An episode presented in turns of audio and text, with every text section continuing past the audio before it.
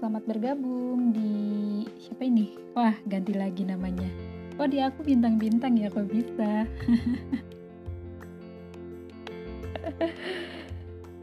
bisa-bisa ya bintang-bintang. Ini sebenarnya bab pertama udah aku baca. Suaraku jelas ya? Udah udah aku baca semalam dan dan udah aku record juga cuman karena noise itu yang tadi dicerat diceritain di live streamnya Raini itu ya gitu deh. Jadi aku apa sih? Aku delete gugup. Enggak suaranya kenapa? Suaranya beda dari yang biasanya ya seperti suara lelah-lelah gitu. Nah kurang tidur.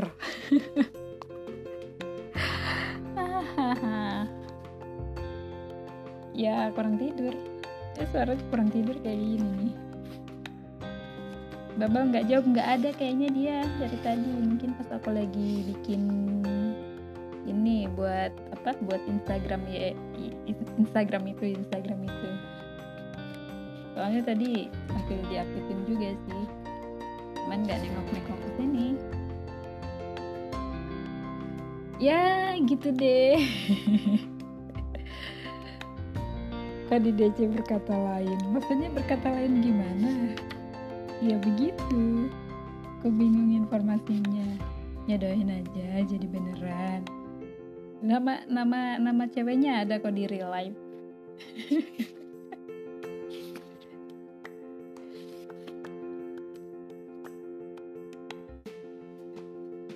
yang kedua yang kedua.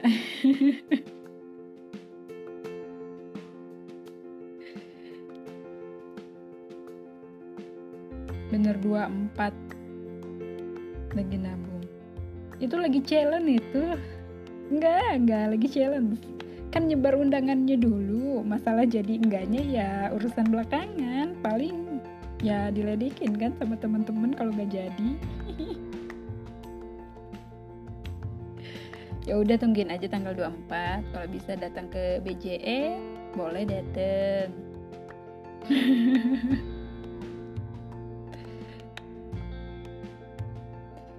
Ya.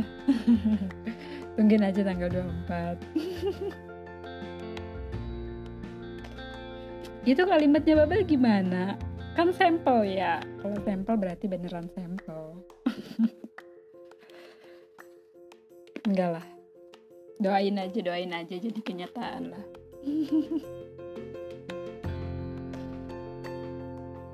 Hmm, aku ngebantah karena emang aku enggak enggak jual enggak jualan enggak bikin kayak gitu. Itu ya emang. Ya udah ya kapan bacanya?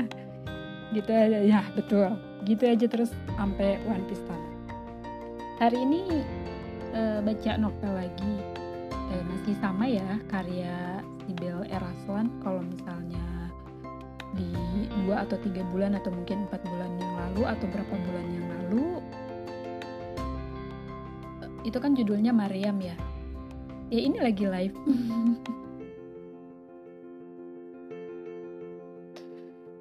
Novel. Ya baca novel. Iya itu maksudnya. Setelah hiatus panjang bener banget. Dulu kan judulnya Mariam sekarang judulnya Hajar. Ini masih serial soal uh, The Great Woman ya wanita penghulu surga. Ngomongnya seolah-olah baru kemarin ya anggap aja baru kemarin. Jadi dua bulan ini uh, du, du, dua apa tiga ya? Ya dua bulan inilah. Uh, Februari sama Maret. Aku lagi kedatangan buku baru. Karena kalau misalnya enggak digarap pakai live stream kayak gini jujur. Uh, apa ya bahasanya tuh? Lama selesainya nggak ke hewan lagi. Maksudnya gimana nih? Haru. hewan apa haru? hewan apa haru? Ah. Uh, aku kemarin hari Senin ke rumah. Cuman hari ini enggak. ya biar salah karena hari ini ada jadwal les kan jadi nggak mampir. Ke sana ngapain numpang makan? Kalau dia kan emang dulu senang live-nya itu karena emang lagi kayak ya, kayak gimana ya kayak emang lagi tertarik aja gitu. Udah ke sini ke sini kan dia nggak pernah live lagi. Dibandingkan reality kayaknya sih dia lebih ke TikTok. Dia lebih senang scroll TikTok sih setauku ya.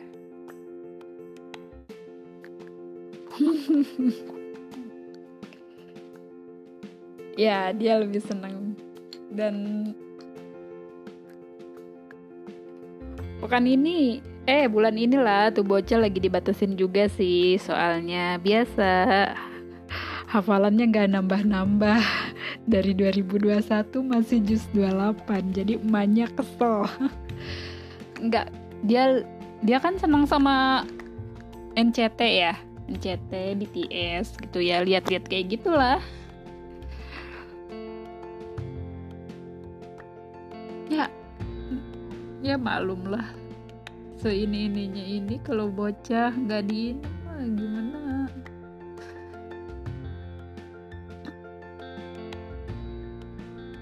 udah nih ya kal sambil mulai.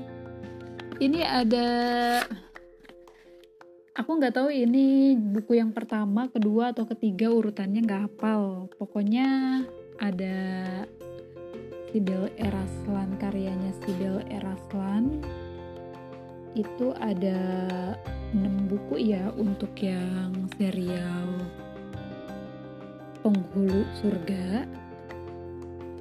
Ada Aisyah, Fatimah, Hadijah, Asia, Maryam, sama ini Hajar.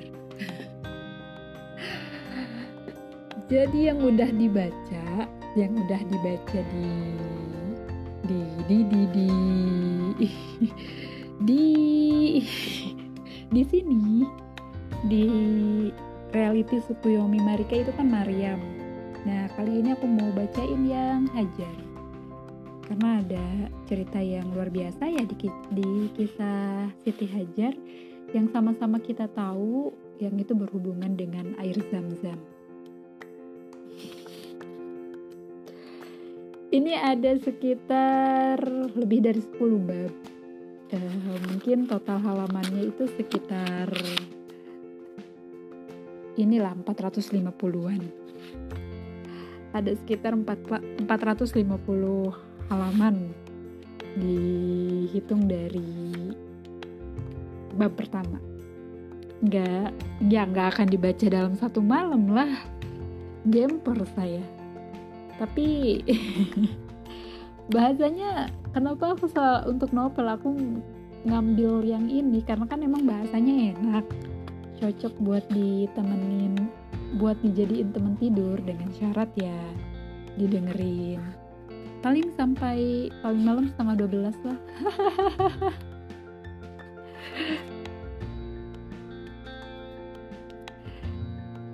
Oke, okay. uh, yang pertama. Ini enggak ya biasa. Ini kan aku di kamar. Sinyalnya pasti lagi galau lah. Ya tapi kalau misalnya ini aku sambil mendua. Jadi ku record buat podcast ya sekalian yang kelihatan terlihat alami. Karena kan biasanya kalau misalnya di sebelum-sebelumnya itu kan ya emang langsung to the point gitu ya. Ini kan ada obrolan dan lain sebagainya gitu jadi mungkin bakalan durasinya di sana bakal lebih panjang kali ya tapi aku nggak tahu sih kuat apa enggak ini memori nih oke okay. Dirikulah yang menggoyang ayunanmu. Aku ingin bercerita dari dongeng masa lalu untuk menghiburmu. Tertambat di antara kun fayakun ayunan itu terjadi pada masa yang aku sendiri tidak pernah menjumpainya. Di antara gemerisik suara-suara di keheningan siang dan malam, yang hanya engkau pahami sebatas yang engkau cintai. Seandainya nyanyian Nina Bobo itu adalah kisah yang diceritakan oleh para malaikat.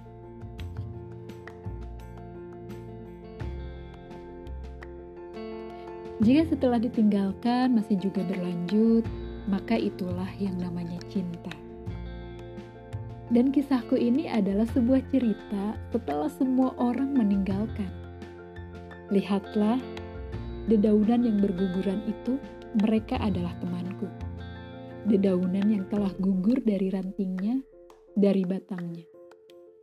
Dan aku adalah seorang wanita sebatang kara yang tak memiliki tempat tinggal sebagaimana dedaunan itu.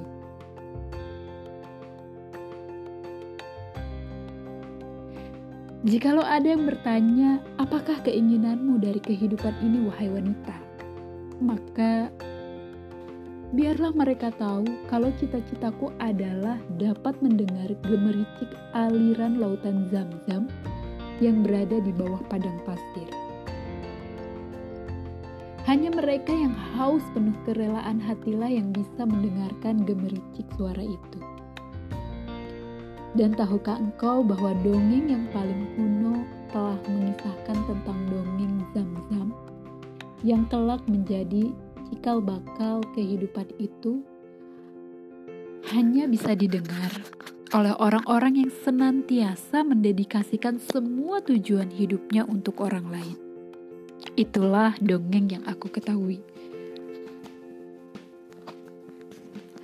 Dongeng yang terdengar dari bisikan zam-zam, dongeng yang membangunkan bintang gemintang pada saat semua orang sedang lelap dalam tidurnya.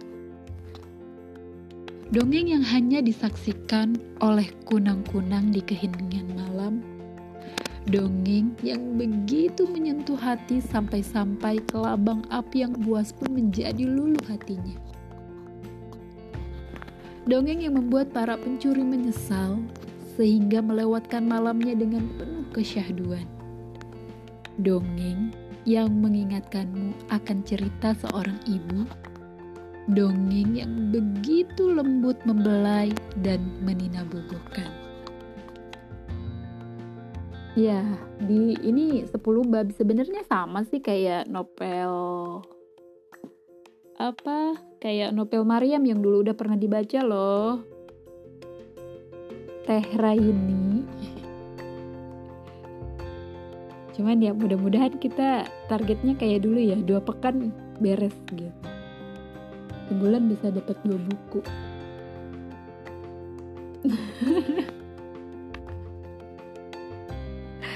ya kalian nggak usah gempor. Kalian kan tinggal denger. Saya yang baca. Boleh lah kalau Raini sama Teh Raini nih sama Gun. Ada buku yang recommended untuk dibaca. Boleh kirim ke aku bukunya? Dengan catatan kita bereskan dulu ini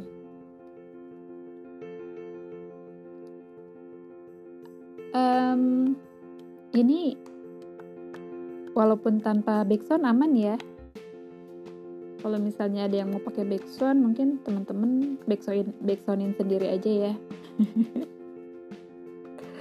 Adanya Padilla Amal wadah mantap. Anak pondok ini bukunya keren.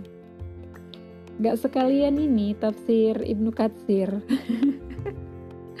Satu set jilid 1 sampai jilid 10 ditambah Piki 4 Najhab gitu ya yang 12 set mantep itu kan biasa dibaca di masjid kampung. Yang kayak gimana sih? Talim muta'alim. yang aku itu talim mutalim itu juga fadil, uh, fadilah amal tapi oh iya iya itu talim mutalim talim wa ta'lum hmm. itu bahasa Arabnya dong. Apa bukunya pakai bahasa daerah? Kan biasanya kalau yang di ini ini suka pakai bahasa daerah. Soalnya aku pernah di oh Indo aku pernah di kampung juga ngaji kayak kitab kuning gitu uh, kayak ngesak ngesyakal sama nerjemahin yang ke bawah itu loh uh, miring tapi pakai bahasa Sunda Wadah, bahasa Sunda. Hmm, nggak tahu deh. Saya yang ada aja di sini. Baca buku yang berasa ditampar-tampar karena memang masih jauh dari yang sesungguhnya. Apa jadinya jika perpisahan dan kekalahan saling bertemu? maka kedamaian adalah anak yang akan terlahir dari keduanya. Jika saja rasa penasaran yang mengawali segalanya tidak membuat keduanya terperdaya oleh pohon terlarang itu, niscaya keduanya tidak akan dinamai perpisahan dan kekalahan. Begitu rasa ingin tahu merasuk ke dalam aliran darah, maka saat itu pula lah jarum jam kesadaran baru mulai berputar. Sayangnya, keduanya saat itu telah terjatuh ke dalam sebuah pelanggaran yang membutuhkan perjalanan waktu yang sangat panjang untuk mengantarkan keduanya ke tempat kembali. Akhirnya, perpisahan dan kekalahan pun jatuh lelah.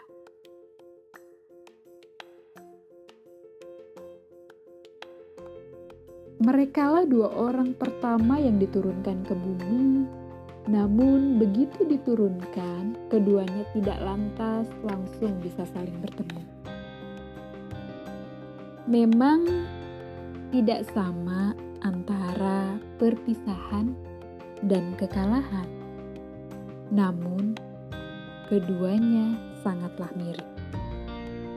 Karena itu, keduanya saling mengenal satu sama lainnya Meskipun perkenalannya ini hanyalah sebatas ingatan keduanya dari masa lalu. Kenangan yang mempertemukan keduanya jauh di kemudian hari, jauh sebelum cerita tentang dunia ini ada. Belum ada dongeng, namun ada puisi. Apa di dalamnya? Ada di dalamnya ada untuk mengingat kenangan tentang sebuah taman yang begitu indah, dan seolah ada agar perasaan sedih masih terus terasa. Tempat ini adalah dunia, ia hanyalah ibarat sejengkal tanah dari tanah surga yang penuh dengan keindahan dan kenikmatan. Ini adalah puisi yang seolah setiap baitnya adalah untuk mengingatkan segalanya.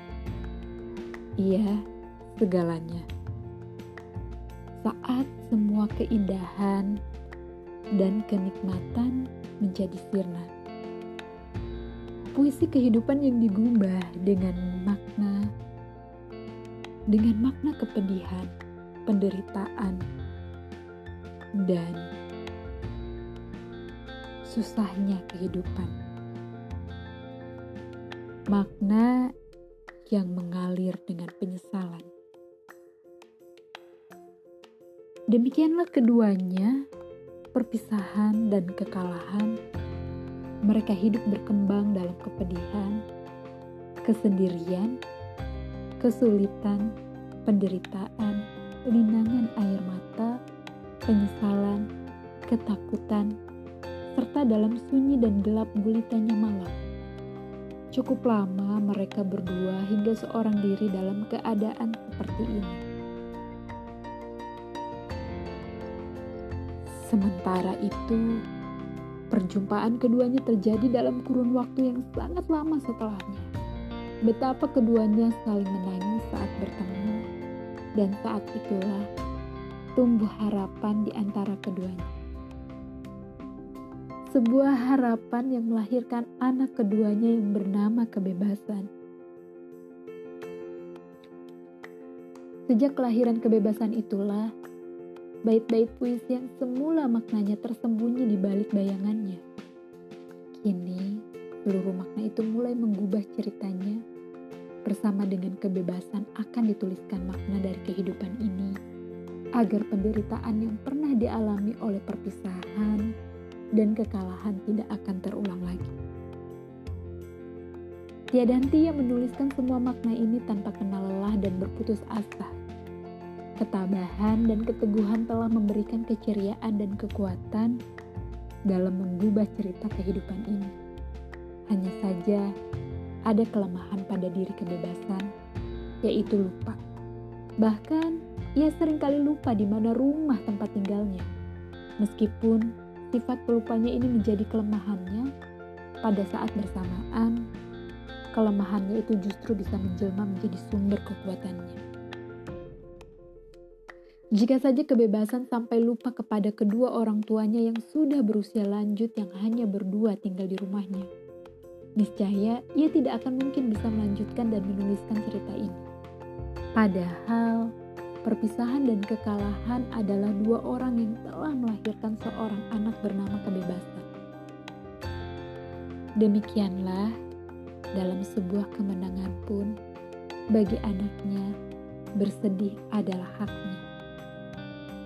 Ia bagaikan jalan setapak, bagaikan ruh dan guratan takdirnya.